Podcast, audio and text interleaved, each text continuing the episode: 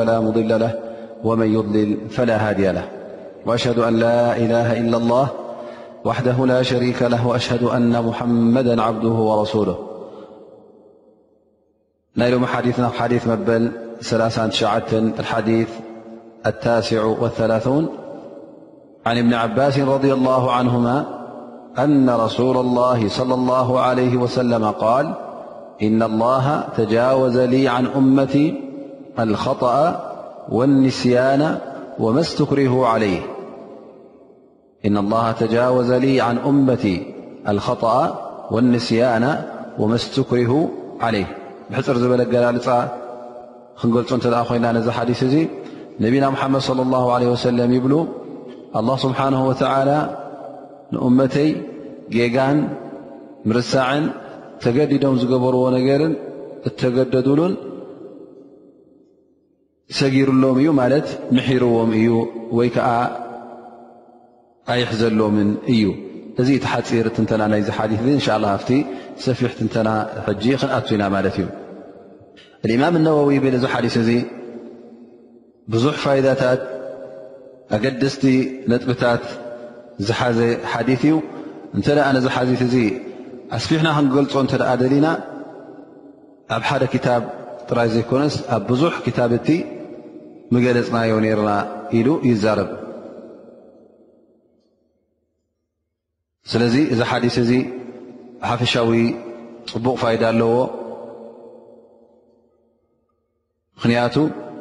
ናይ ጌጋን ናይ ምርሳዕን ተገዲድካ ትገብሮን ኣብ ኩሉ ናይ ፍቂህ ጉዳያት ናይ ዕልሚ ጉዳያት ናይ ፍቂህ ማለት ናይ ፍቃል ዕባዳት ኣብ ሰላት ኣብ ስያም ኣብ ከምኡ ዝኣመሰለት ኣብ ዘካት ኣብ ኩሉ ይኣቱ ስለ ዝኾነ እዚ ሓዲስ እዚ ብጣዕሚ ኣገዳሲ ሓዲስ እዩ ፍርቂ ሸሪዓ ዘማልአ ዩ ውን ክንብል ንኽእል ይብል ማለት እዩ ምኽንያቱ ተግባር ወዲ ሰብ ወይ ክገብሮ እንከሎ ነይቱ ፈሊጡ ደይመደይ ኢሉ እና ዘኪሩ እንከሎ ክገብሮ እዩ ባዕሉ መሪፁ ማለት እዩ ወይ ውን ንሓደ ነገር ክገብሩ ከሎ ወይ ብጌጋን ረሲዑ ወይ ከዓ ተገዲዱ ይገብሮ ማለት እዩ ማለት ወይ ፈትዩ ይገብሮ ፈሊጡ ወይ ከዓ ከይፈለጠ ተጋግዩ ወይ ከዓ ተገዲዱ ይገብሮ እዩ እዚ ኣብ ክልተ ይምቀል ማለት እዩ ስለዚ እዚ ሓዲስ እዚ እቲ ኣላ ስብሓን ወተዓላ ዝመሓረና ጌጋን ምርሳዕን ምግዳድን ይሕብር ኣሎ ማለት እዩ እንተ ደኣ ከምኡ ዘይኮነኸ እንተ ደኣ ብጌጋን ብምርሳዕን ብምግዳድን ፈጺምካዮ ግን ትሕተተሉ ከም ዝኾንካ ይሕብር ማለት እዩ ተሓዲስ እውን ብኣንጻሩ ክንርድኦ እንተ ደኣ ኮይና ተረድኦ ናቱ ዝበና እውን ብኣንጻሩ ኣሎ ስለዚ እዚ ሓዲስ እዚ ንገዛእ ርእሱ እቲ ሒዝዎ ዘሎ ትርጉም ቀጥታ ትርጉሙ ፍርቂ ሸሪዓ ዘማልኤ ይኸውን ማለት እዩ። ስለዚ እዚ ሓዲስ እዚ መሰረት የውድቕ ኣሎ ማለት እዩ ንሸሪዓ ዓብይ መሰረት ዑለማእ ፉቃሃእ ዝምርኮሱሉ ሓዲስ ኮይኑ ይርከብ ምክንያቱ ጉዳይ ምርሳዕ ናይ ወዲ ሰብ ባህሪ ስለ ዝኾነ ጌጋ እውን ዘይጋገ ወዲ ሰብ ስለ ዘየለ እሞ ከዓ ኣብቲ ተግባራት ናይ ሸሪዓ ኣብቲ ዕባዳት ናትካ ኣብቲ ትእዛዛት ኣላ ስብሓን ወተላ ዝኣዝዘካ እንተ ተጋጊኻ እንተ ረሲዕካ ውሱን ነገር ወይከዓ ውሱን ፍርዲ ስለ ዘለዎ እሞ ከዓ እዚ ሓዲስ እዚ ቀንዲ ኮይኑ ይርከብ እቶም ፉቃሃእ ንገዛእ ርእሶም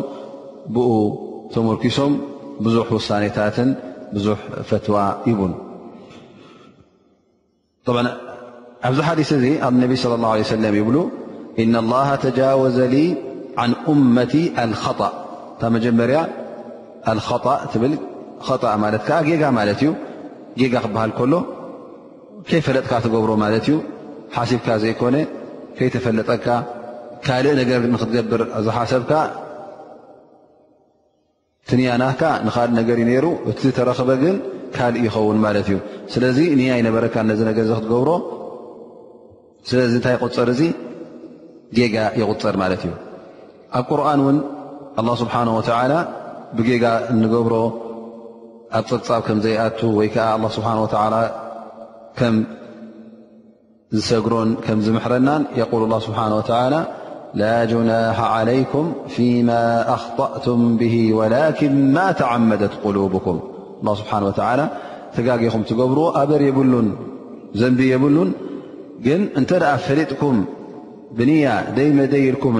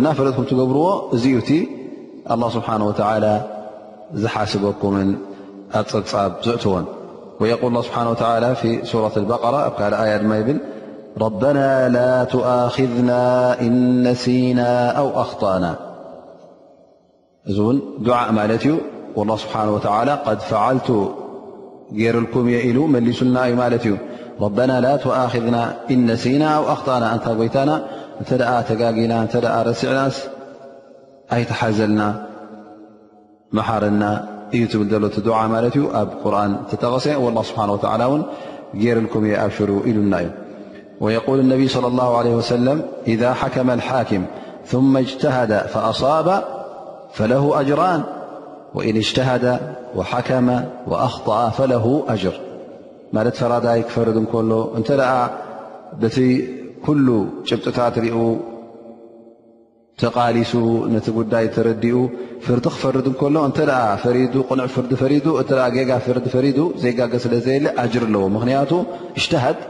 ተቓሊሱ እዩ ናብ ሓቂ ንክበፅሕ ግን ምናልባሽ ተሓቂ ረኸባ ንኸውን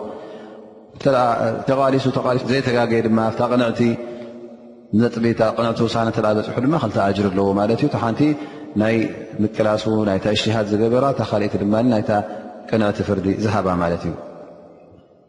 ኢዘን እዚ ሓዲስ እዚ ሎም መዓልቲ ሓዲ መበል 39 ይኹን እዚ ካልኣይ ሓዲስ ን ናይ ነቢና ሓመድ ስ ሰለም ተን ኣያታት ዝቐረእናየን ኩለን እንታይ እየን ዝርእና ዘለዋ እቲ ተጋገየ ሰብ ኣላ ስብሓን ወተዓላ ከም ዘይሕዘሉ ጌግኡ ኣላ ስብሓን ወተዓላ ከም ዝምሕሮ እዩ ዝሕበረና ዘሎ ማለት እዩ ግን ክንርድኦ ዘለና ኣብዚ ነጥቢ እዚ ኣሎ ኣላ ስብሓን ወተላ ኣብዚ እቲ ብጌጋ ትገብርዎ ኣይሕዘልኩም እዩ ክብለና እንከሎ ረፍዕ ልሓረጅ ወልእትም ክበሃል እንከሎ እዚ ካልእ ውሳኔታት እንተደኣ ኣሎ ኮይኑ ናይቲ ዝገበሮ ሳዕቤን ኩሉ ተማሒሩ ማለት ኣይኮነን ንኣብነት ንወሰድ እተ ኮይና ሓደ እስላማይ እንተ ንሓዉ እስላማይ ቀትሉ ኣሎ ውሳኔታት ኣላ ስብሓን ወተላ ዝሃቦ ብጌጋ ክቀትል ከሎ ማለት እዩ ብጌጋ ክቀትል ከሎን ብፈሊጡ ክቀትል ከሎን ኣላ ስብሓን ወተላ ውሳኔ ሂብሉ እዩ ስለዚ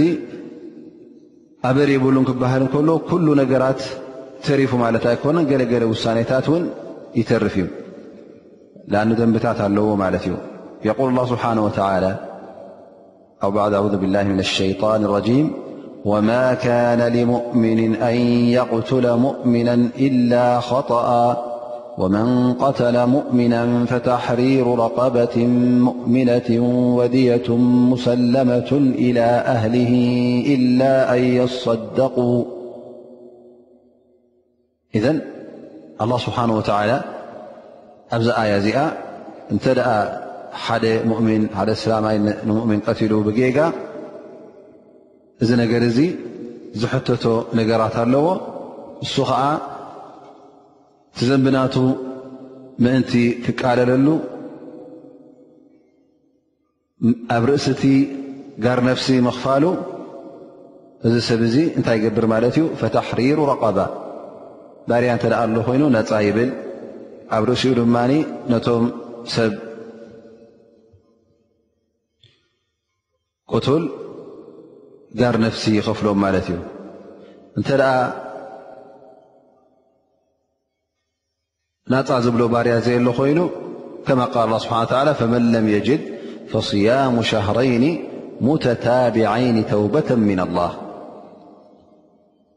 ወካነ ላሁ ዓሊማ ሓኪማ እተ ባርያ ነፃ ዝብሎ ባርያ ዘይረኸበ ንክልተ ወርሒ ኣከታቲሉ ይፀው ማለት እዩ ምእንቲ ኣላ ስብሓን ወተላ እታ ዝገበራ ጌጋ እታ ናቱ ቶባ ኣላ ስብሓን ወተላ ምእንቲ ክምሕሮ ማለት እዩ ዘንቢ ንኸይህልዎ ግን ጠብዓ እዚ ነገር እዚ እውን ክበሃል እንከሎ መን እዩ እዚ ሰብ እዚ ተጋግዩን ኣይተጋግዩን ዝውስን ፈሊጡ ዶ ገይርዎ ከይፈለጠ ገይርዎ እዚ ኩሉ መን እዩ ዝውስኖ እቲ ኩሉ ኩነታት ምስ ተረእየ መሰኻኽር ኮይኖም ወይ እውን መርትዖታት ጭብጥታት ቀሪቡ እቶም ዑለማ እቶም ኣላ ስብሓን ወተዓላ ዕልሚ ዝሃቦም ንሶም እዮም እዚ ሰብ እዚ ተጋግዩ ኣይተጋግየን ኢሎም ክውስኑ ዝኽእሉ እቲ ኩሉ ነገራት ምስ ተነገሩ እቲ ኩሉ ኣብቲ ከባቢ ኣብቲ ዙርያ ዘሎ ወድዒ ኩሉ ምስ ተጠቐሰሎም ሽዕኡ ተጋግዩን ኣይተጋገዩን ይነግሩ ማለት እዩ ምክንያቱ ንኣብነት ሓደ ሰብ እንተ ደኣ መስተ ሰትዩ እንተ ሰብ ምስተ ኣስካሪ መስተ ማለት እዩ ኸምር እንተ ሰትዩ እሞ ከዓ እዚ ዝሰትዮ ዘሎ ክሰትዮ ከሎ መስተ ይመሰሎን እንታይ ደኣ ፅማቕ መስልዎ ኸውን ወይ ከዓ ካልእ ዓይነት መስተ መስልዎ ዘስክር መስተ ኣይመሰሎን እሞ ከዓ እንተ ሰትዎ እዚ ሰብ እዚ ዕለማ እብሉ ብጌጋ ስለ ዝሰትዮ ዘሎ ላ ሓዲ ዓለይሂ ወላ ተዕዚር ኣይቅፃዕን እዩ ኣብ ኣዱንያ ኣላ ስብሓን ወተዓላ እውን ተጋጊ ስለ ዝገበሩ ኣላ ስብሓ ወላ እውን ዘንቢ ኣይቆፅረሉን እዩ ይብሉ ማለት እዩ ስለዚ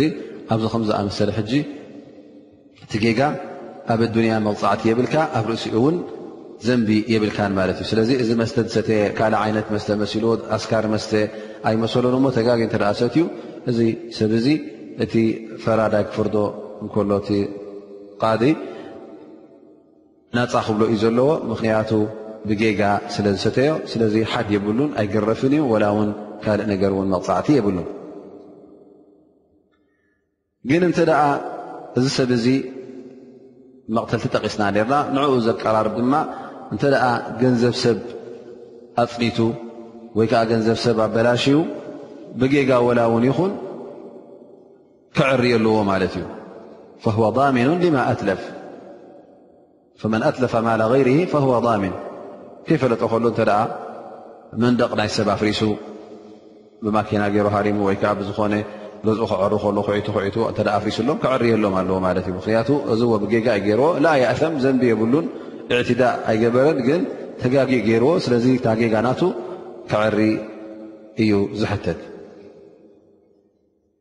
ብዛዕባ ናይ ምርሳዕ ድማ እንተ ክዝረብ ኮይኑ ምርሳዕ ክበሃል እንከሎ ሓደ ሰብ ዘንጊዑ ከይተፈለጡ ከሎ ንሓደ ጉዳይ ክገብር እንከሎ ማለት እዩ ከይዘከረ ወይ ከዓ ገለ ነገር ክገብር ነይሮ ኣይዘከሮን ስለዚ ካብ ግዜኡ ኣሕሊፍዎ ይኸውን ወይ ከዓ ብኩሉ ረሲዕዎ ግዜኡ ሓሊፉ ዘይኮነስ ላ ብኩሉ እውን ገዲፍዎ ክኸውን ይኽእል እዩ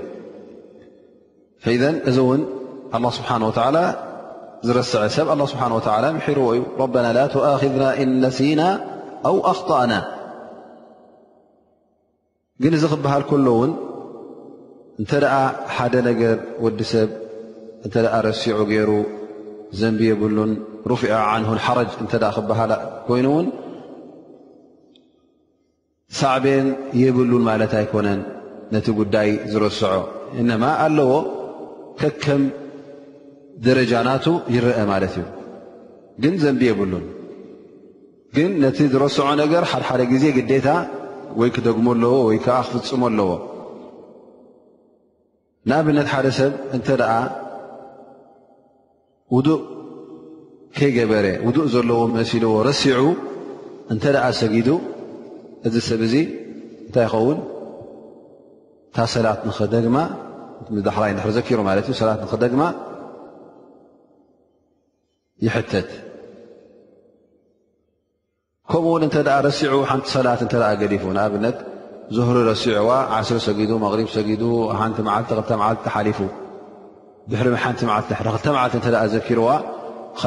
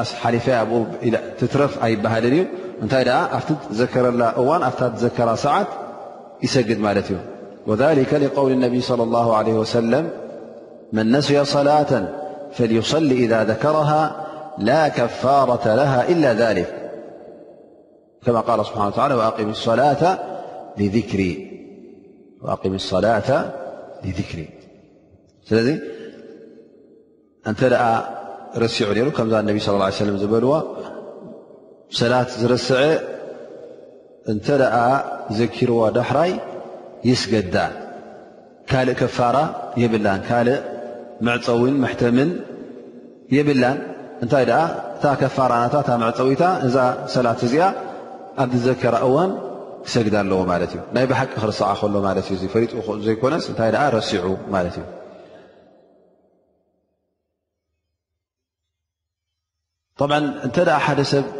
ድማ ሕጂ ፍልልያ ኣሎ ኣብ ውዱእ ዘኪርና ና ውዱእ ረሲዑ ሰብ እንተ ሰጊዱ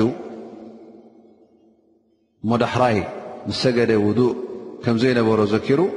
እንታይ ገብር ማለት ውዱእ ገይሩ እታ ሰላት ይደግማ ኢልና ላኪን እንተ እዚ ሰብ እዚ ኣብ ክዳኑ ነጃሳ ውዱእ ኣለዎ ግን ኣብ ክዳኑ ነጃሳ ኣለዎ ንበል እሞ እዚ ሰብ እዚ ነጃሳ ከም ዘለዎ ገና ከይሰገደ ከሎ ፈልጥ ነይሩ ሕራይ ዳሕራይ ክሰግድ ከለኹ ከውፅኣየ ኢሉ ሓሲቡ ነይሩ ግን ረሲዕዋ በዛ ነጃሳ ዘለዋ ክዳኑ ሰጊዱ ሰገደ ምስ ወደአ ምስ ኣበለ ዘኪር ራ እ ሓሲበ ረ እንታይ ኣ ገለሜታት ኢሉ እንተ ዘኪርዋ እዚ ሰብ እዚ ማዓፊ ን ላስ ሰላት ኣይደግማን እዩ ምክንያቱ ነቢ صለ ላه ለ ወሰለም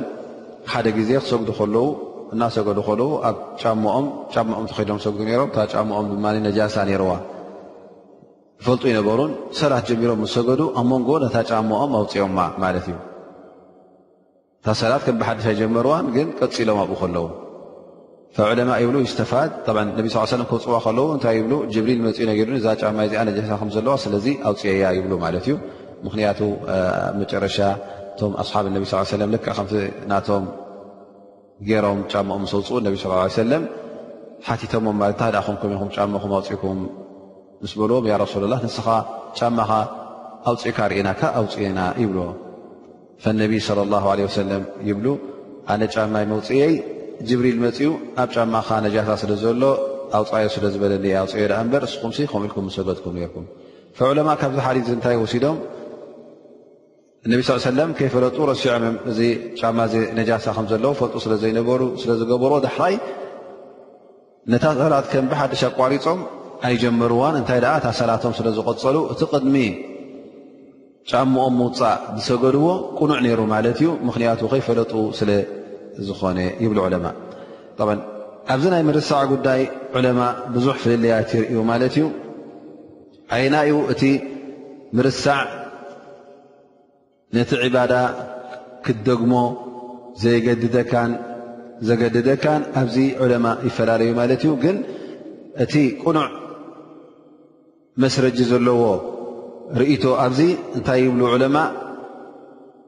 ኣብ ደሊል ዘለዎ ወይ ከዓ ኣብ መርትዖ ዘለዎ ክንምርኮስ ኣለና ይብሉ እንተ ደኣ መርትዖ ኣለዎ ኮይኑ ነቲ መርትዖ ዘለዎ ንቕበል መርትዖ ዘይብሉ እንተኣ ኮይኑ ብድሕሪኡ ናይ እጅትሃድ ነገር ይመፅእ ማለት እዩ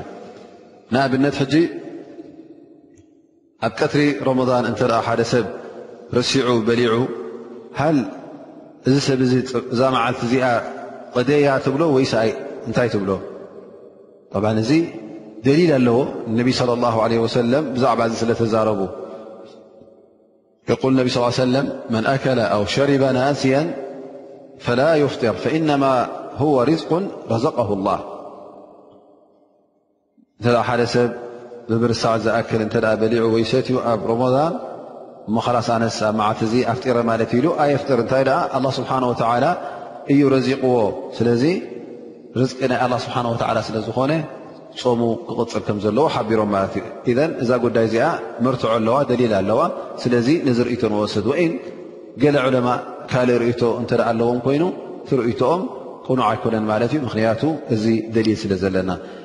ስለዚ ይብሉ ዑለማ እቲ ቅኑዕ ርእቶ ኣብዚ ጉዳይ እዚ ኣብ ናይ ምርሳዕ ጉዳይ ኣብ ምንታይ ንምርከስ ይብሉ ኣብቲ ደሊል መርትዖ ዘለዎ ጉዳያት እንተ ኣሎ ኮይኑ ናብኡ ንምርከስ ካብ ሓዲ ነቢና ምድ ስ ሰለም ካብ ተግባራትዎም ካብ ቁርን ዝረኸብናዮ ናብኡ ንምርከስ እንተ ዘየሎ ኮይኑ ድማ ምስቲ ዘሎ ጌርና ምስኡ ዓቂንና ዝመሳሰል ዩ ኣይመሳሰልን ርኢና ኣብ ርእሲኡ ድማ እጅትሃድ ናይትዖም ዑለማ ይውስኖ ይብሉ ማለት እዩ ሳልሰይቲ ነጥቢ ካብቲ ኣብዚ ሓዲስ ዝተጠቕሰ ኣላ ስብሓን ወተላ ዝመሓሮም ዝነሓፈሎም እቲ ኣብ ርእሲ ምርሳዕን ጌጋን እቲ ተገዲዱ ንሓደ ነገር ዝፍፅም ማለት ሰብ ቀሲብዎ ማለት እዩ غስበን ነዚ ግበር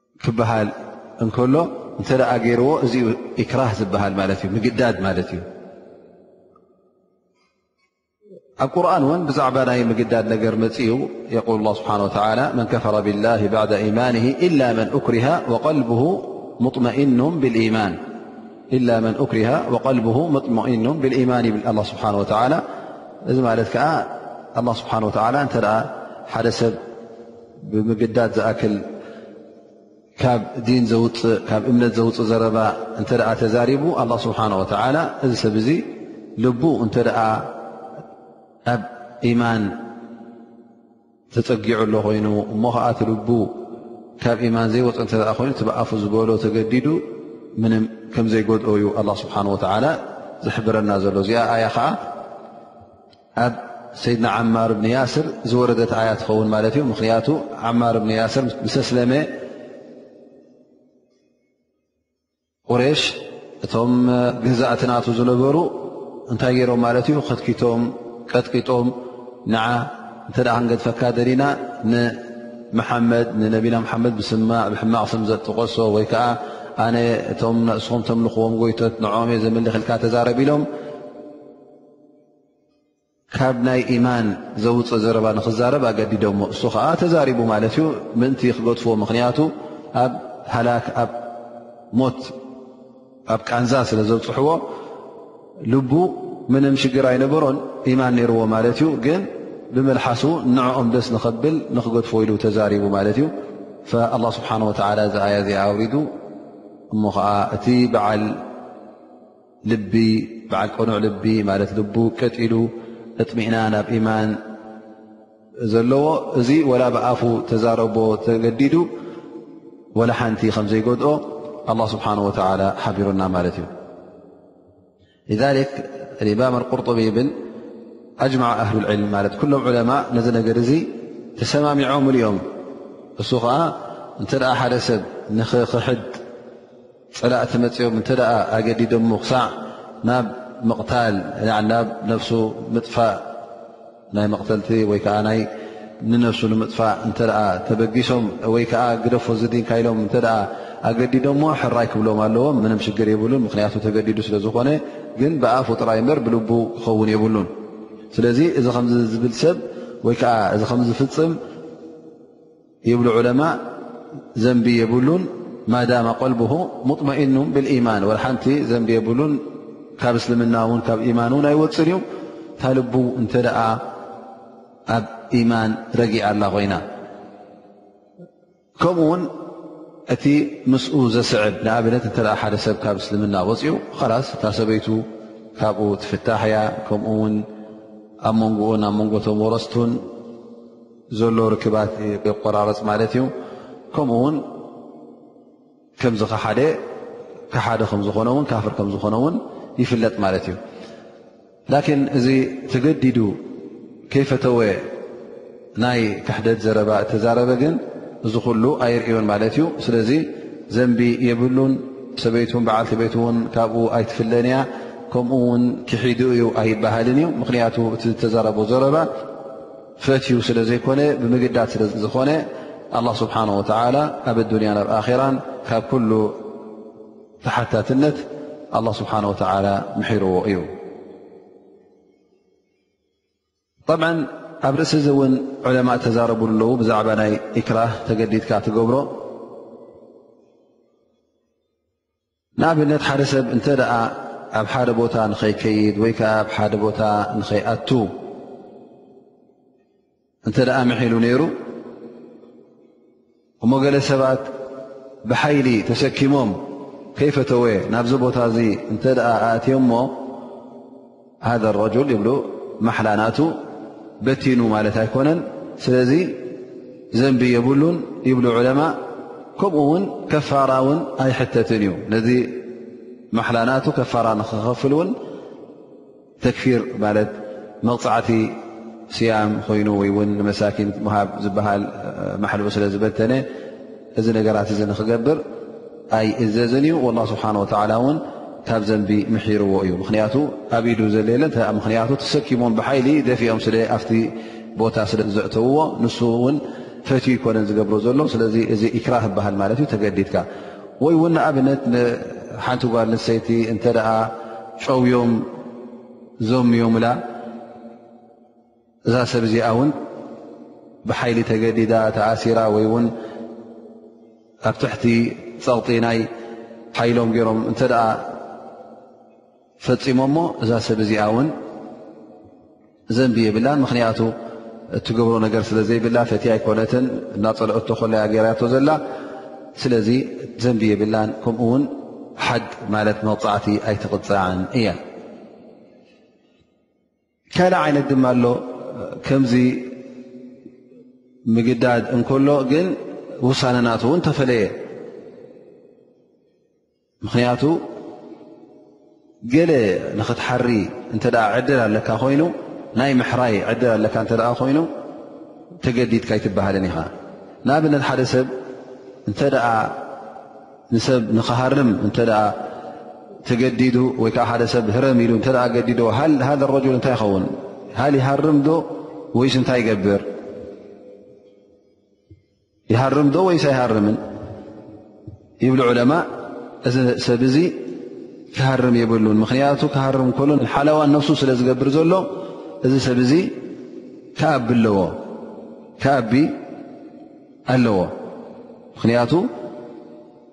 እንታይ እዮም ክገብሩ ክትክትዎ ድዮም ላስ ክኽተት ኣለዎ ስለምንታይ ንካልእ ሰብ ዝክትክት ንሱ እሞ ምግዳድ የለን ማለት እዩ ስለዚ ንሱ ነብሱ ንክሕሉ ኢሉ ንካልእ ሰብ ንክሃርም ኣይፍቀድን እዩ ልክዕ ከምኡ ውን እንተ ሓደ ሰብ ኣገዲዶም ያፍላን ንዓ ንዚ ከምዝኣመሰለ ሰብ ቅተሎ ወይ ንዓኻ ክንቀትለካ ኢና እተ ኢሎ እሞ እዚ ሰብ እዚ እንታይ ይገብር ይቀትል ዶ ኣይቀትልን ይኸዋን ክቐትል ኣይፍቀዶን እዩ ኣጅማዕ ልዑለማእ ዛሊክ እዚ ሰብ እዚ ንኻልእ ሰብ ይቐትል ኣሎ ማለት እዩ ነፍሱ ንኽሕሉ ኢሉ ስለዚ ክቐትል የብሉን ወላ እውን ይቀተል ምክንያቱ እሳ ኩላ ምቕታል ምቕታል እያ እታ ምሕላፍ ነፍሲ ኩላ እያ ስለምንታይ ብኢዱ ነፍሲ ሰብ ካልእ ዘሕልፍ ስለዚ እንተ ቐትልዎ ኮይኖም ላስ ንዓይ ቀተሉን እምበር ኣነስ ኣይቀትልን እንታይ ገድሹኒ ዘንቢ ዝስከም ኢሉ ክኣብ ኣለዎ ማለት እዩ እንተ ቀትሉ ግን ሕራ ኢሉ እንተ ቀትሉ እቲ ዝለኣኾን ንሱን ክልቲኦም ንመቕተልቲ ይፍረዱ ሃ ራእይ ጀምሁር ዑለማ ምኽንያቱ ክልቲኦም ስለ